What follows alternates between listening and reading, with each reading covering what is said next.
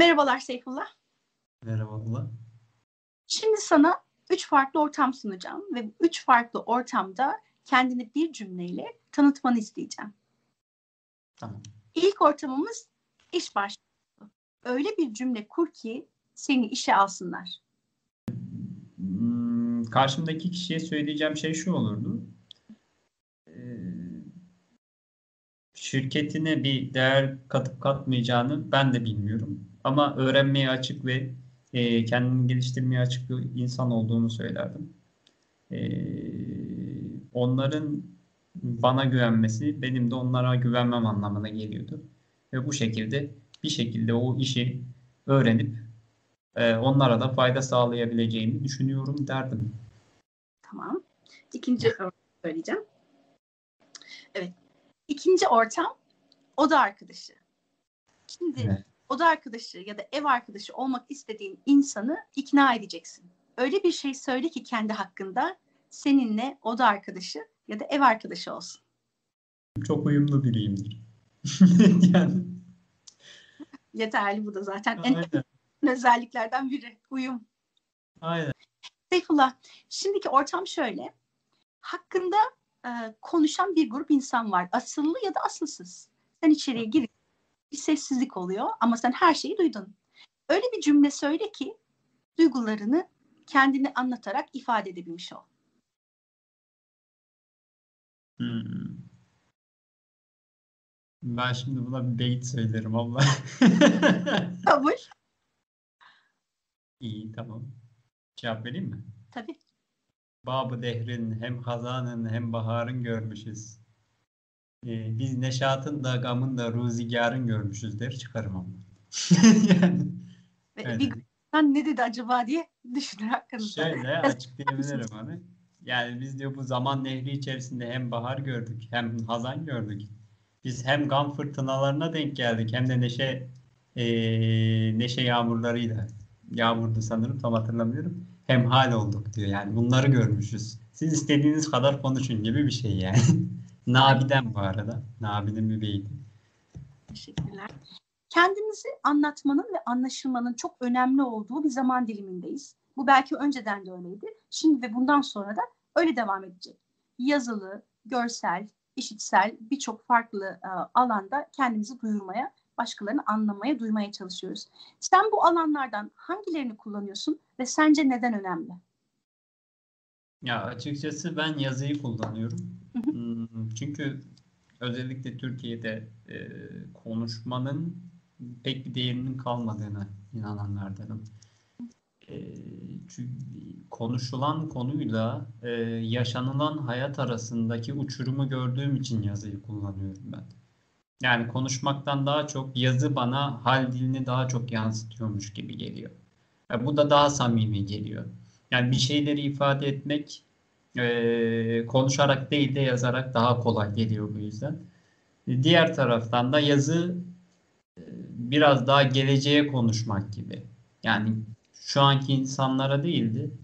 E, belki benden 30-40 yıl sonra dünyaya gelecek bir insana da bir şey anlatabilirim ben yazıyla. Ama konuştuğum zaman o beni hiç duymayacak. Yani hani şu an teknolojik gelişmeleri e, göz önünde bulundursak işte e, yok ses kaydı falan onlar çok farklı bir dünya. Ama bence yazı e, ilk çağdan beri sihrini koruyan bir alan. O yüzden benim için yazı. Yazmak yani. Sana iki önemli e, kavramı soracağım. Bu kavramların sendeki tanımını ve sence bu kavramlar Türkiye'de ve dünyada doğru tanımlanıyor mu? E, bunu soruyorum.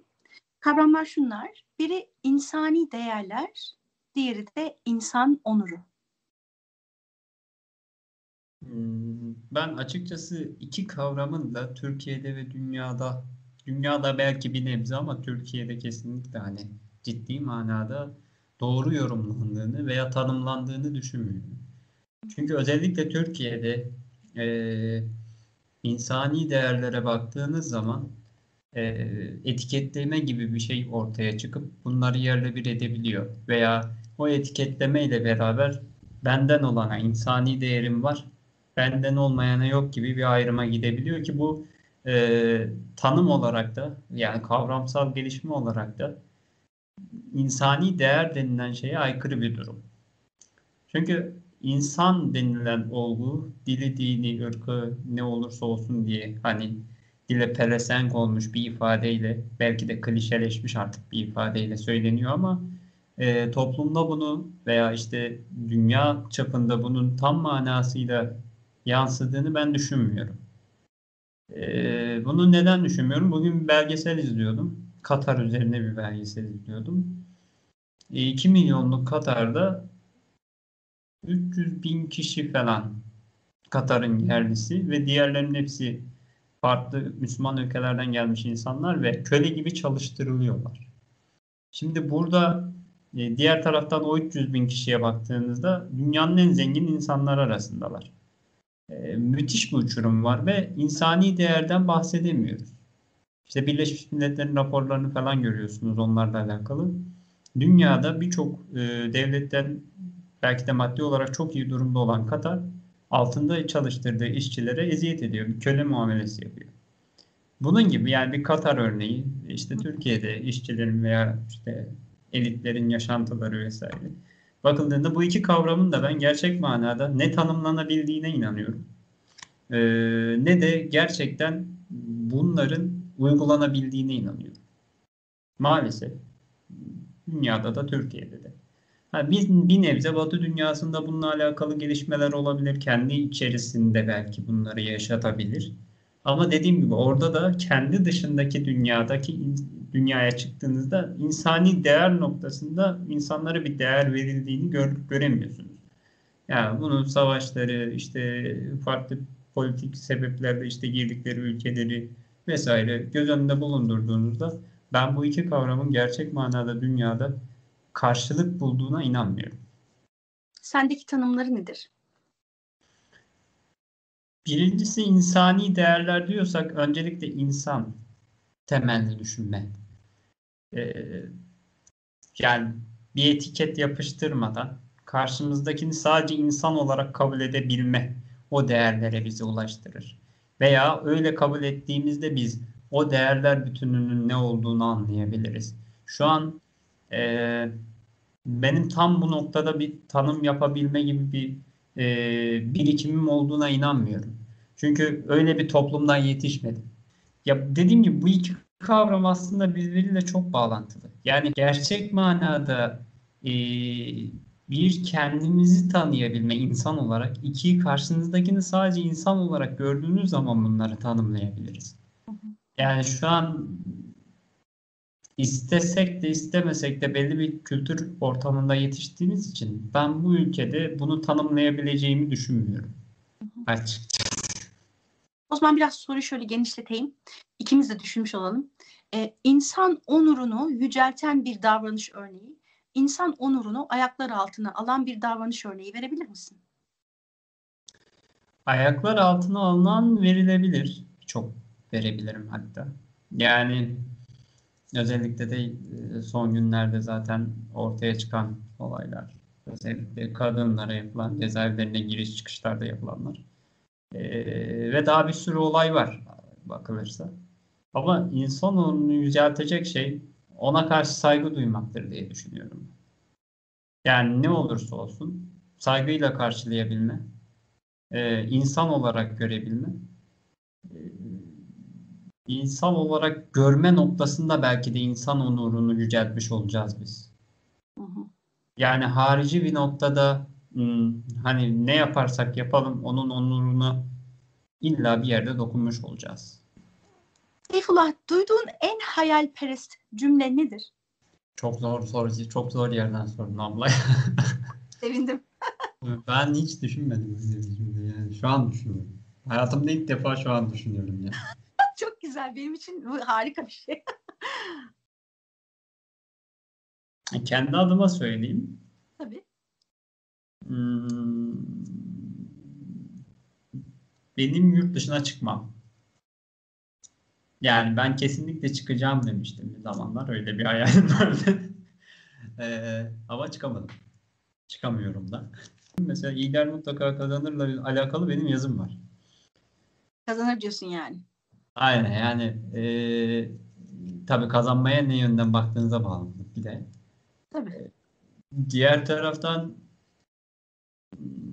işte bu kadar da olur mu ya dediğim ya şöyle söyleyeyim Türkiye'de o kadar e, şey e, öyle şeyler yaşadık ki şu an olmaz diyebileceğim bir şey yok. Yani hani olmaz dediğimiz her şey oldu ama gerçekten öyle. Biz şöyle düşünüyoruz. Yani hatta geçen arkadaşım biriyle konuşuyoruz. Dedi ki bana bundan sonra dedi olmaz demeyeceğim dedi. Niye dedim? Abi dedim ne, ne olmaz dersem oluyor ya dedi. Yani kötü anlamda. Hani iyi anlamda değil. Ben de dedim ki iyi anlamda olmaz bir de o zaman. De onu deneyelim dedim. O da olmuyor dedi. Ya şimdi harbiden öyle bir psikolojik ortamdayız ki bir harp var ve olmaz dediğiniz her şey oluyor.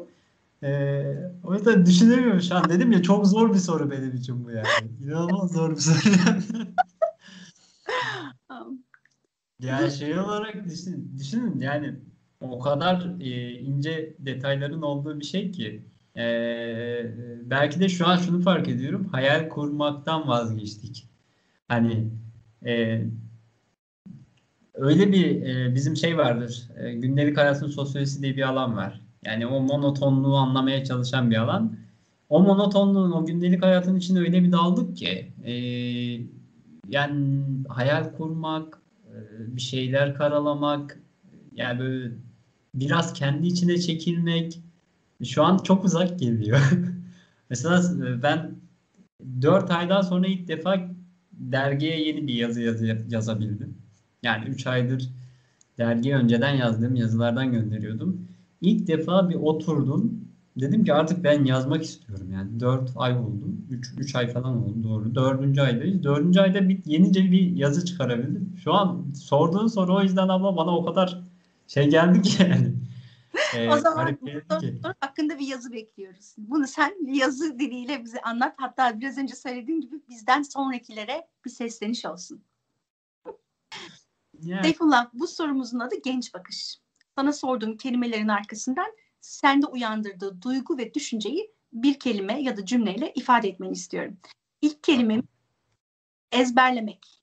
Öğrenmenin düşmanı. Kutuplaşma. İnsanlığın helakı. Tepki göstermek. Yerinde isyan ahlakı. Mış gibi yapanlar. Samimiyetsiz. Ahlak bekçiliği. Kendini bilmezlik diyeyim. Şimdi sana üç soruyu beraber soracağım. Bu üç soru birbirine çok bağlı.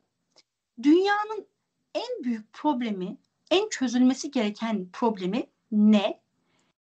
Kim çözer? Nasıl çözülür?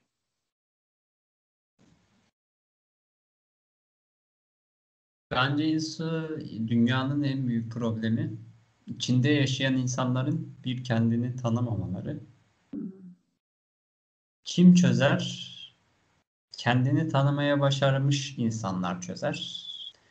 Nasıl çözer? Ee, kendilerini nasıl tanıyabildiklerini hayatlarında yaşayarak göstererek çözebilirler. Yani sadece aslında anlatarak bir sorunun çözülebileceğine inanmıyorum ben. Aynı şey aynı zamanda yani insan insan psikolojisi aldığı şeyi görmek de istiyor. Yani hem işitip hem de gördüğü zaman daha çok etkili olduğunda o değişim oluşturabiliyor karşıdaki insanlarda. Ee, eğer gerçekten kendini tanıyabiliyorsa ve bunu hayatına da aksettirebiliyorsa bu şekilde bence bu sorunu da aşarız diye düşünüyorum. Ciddi uzun yıllar süren bir eğitim sistemimiz var. Beğensek, beğenmesek de. Bence o kuramda ne yanlış ki insan bunca şeyi öğrenirken kendini tanımayı beceremiyor? Ya e, Fransız filozof Foucault var. Foucault'un dediğine göre söyleyeyim biraz bu noktada açıklayayım ben. E, bu sistem aslında bizi bir e, amaca göre şekillendirmeye çalışan bir sistem. Yani bizi daha çok kendimizi tanıtmaya, yani kendi yeteneklerimizi ortaya çıkartmaya çalışan bir eğitim sistemi değil. Hı hı. Yani anormal görünen her şey bir yerlere tıkılarak normalleştirilmeye çalışılıyor. İşte Foucault'a göre yine örnek vereyim hastaneler.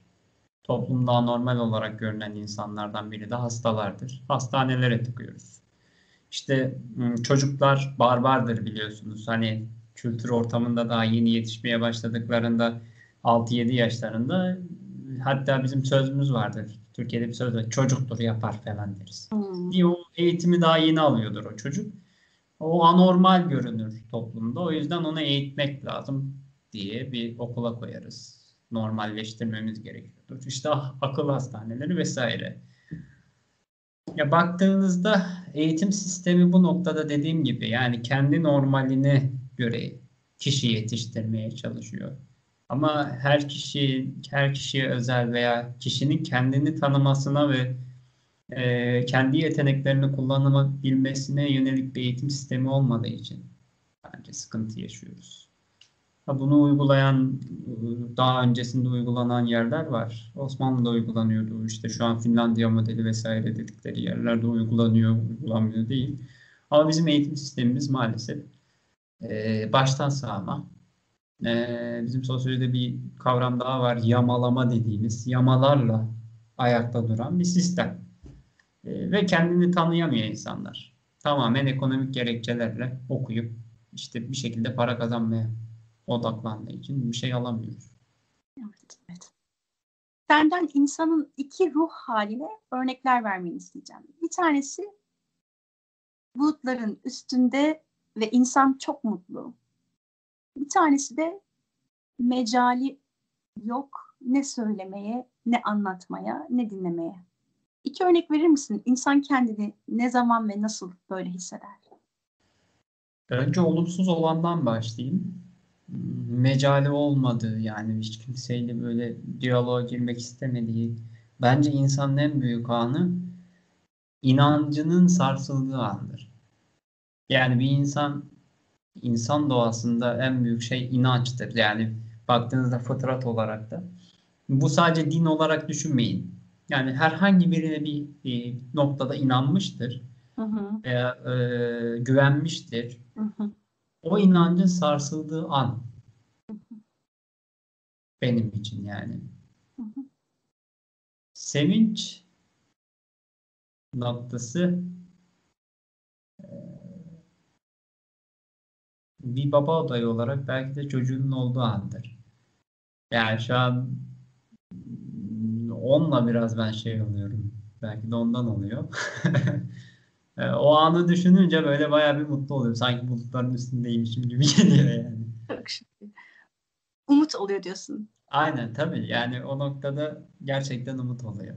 Yani yeni bir şey geliyor. Yani yeni bir insan geliyor dünyaya ve e, bu sizden biri yani nasıl bir şöyle söyleyeyim hani Allah yoktan var edince var ediyor ya hani evet. e, ve şu gözünüzle onu gördüğünüzde diyorsunuz ki evet ya hani bir şeyler değişebilir. Yani bir şeyler farklı bir yöne evrilebilir. Bak mesela iki ay önce böyle bir şey yoktu ama şu an işte e, daha iki gün önce kalp atışlarını dinlediğim bir çocuk var diyorsunuz. Yani hani değişebilir, her şey değişebilir diyorsunuz ve bu size umut oluyor yani. Öyle. Maşallah maşallah. 7-7 bitmedi de en sevdiğim kısımlardan bir tanesi. Sana bir düşünürün sözünü söyleyeceğim, okuyacağım. Ee, sen bize bu sözden ne anladığını, katıldığını ya da katılmadığını ifade et. Nietzsche'den. Az şeye sahip olanın okay. Az şeye sahip olanın köleliği de az olur. Az olur. Yaşasın asil yoksulluğu. Asil yoksulluğu. Nietzsche. Değil mi? Nietzsche. Evet. Ee, açıkçası ben buna katılıyorum. Katılmıyor değilim. Ee, çünkü dünyada ne kadar çok şeye sahip olursam e, aslında o, o kadar da özgürlüğün kısıtlandığını düşünenlerden biriyim. Ben daha doğrusu sahip olma olgusuna karşı olan biriyim. Yani aslında hiçbir şeye sahip olabildiğini insanın düşünmüyorum ben. Yani çünkü şey olarak özellikle e, belli bir yaştan sonra ölümleri çok görmüş ve e, bu manada dünya ile olan irtibatına belli bir mesafe koymuş biri olarak e, hepsinin bir yere kadar e, bana hani şey yapacağını, benimle yolculuk edeceğini ve bir yerde beni bırakacağını bildiğim için Nietzsche'nin bu sözü bana çok manidar geliyor. Hı hı. Yani e, birçok arkadaşım veya tanıdığım insana bakıyorum. E, eşya noktasında o kadar bağımlılar ki. Yani ya şöyle söyleyeyim yeni bir ev almış mesela bir tatile bile gidemiyor. Niye? Ya işte yeni aldım ben bu evi aman bir şey olur. Aman hırsız girer, aman koltuğumu götürür, aman şunumu götürür falan. Hani şey var ya Can Yücel'e ithaf edilen bir şiir var. Bağlanmayacaksın öyle her şeye körü körüne. O olmazsa yaşayamam demeyeceksin. Demeyeceksin işte yaşarsın çünkü diyor ya. Hani öyle beylik laflar etmeye gerek yok. İşte Nietzsche'nin bu sözünü dinlediğimde tam da bu şiir geliyor benim aklıma. Yani ben de o noktada hani şey olarak yaşayan biriyim. Ee, 29 yaşındayım ve sahip olduğum şeyleri düşünüyorum şu an. En azından bana emanet olan şeyleri. Bir bavulum var. Ee, 8 yıllık bir bilgisayarım var şu an karşımda duran. Ee, ekstra bir şeyim yok. ve çok özgürüm yani bu konuda. Mesela biri bana dese ki hadi e, işte sana pasaport verdik gidiyoruz falan dese ben çantayı alıp çıkarım. Yani beni buraya bağlayan o noktada bir eşya yok. Yaşasın asil yoksulluğum. Yoksulluğum, aynen.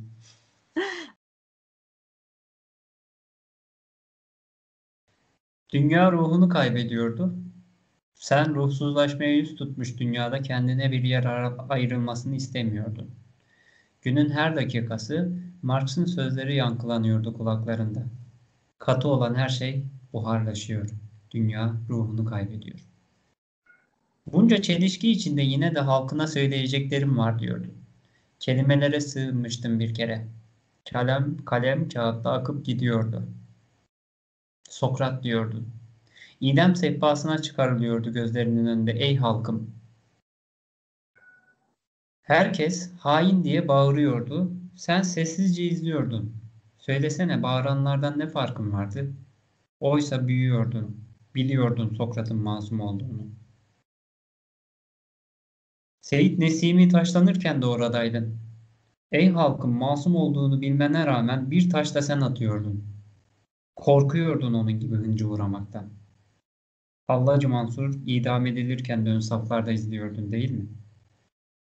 Bir Sultan Abdal idama götürülürken bir emir üzerine taş atarken herkes sen de oradaydın. Vicdanın el vermedi, gül atayım dedin belki. Attın da. Oysa asıl gül dağlamış, asıl gül dağlamıştı Pir Sultan'ı. Dememiş miydi sana? Pir Sultan ablanım, can göğe olmaz. Hak'tan emrolmazsa rahmet yağmaz. Şu ellerin taşı hiçbiri değmez. İlle de dostum tek gülü yaralar beni. Zaman geçse de değişmiyordun ey halkım. Beşiktaş'ta Yahya Efendi'nin sözleri de çınlamıyordu kulaklarında. Oysa bir beldede mazlum ahını sadece taşlar duyuyorsa o beldenin yıkılmasını beklemeyecek miydik? Bu kadar. Teşekkürler.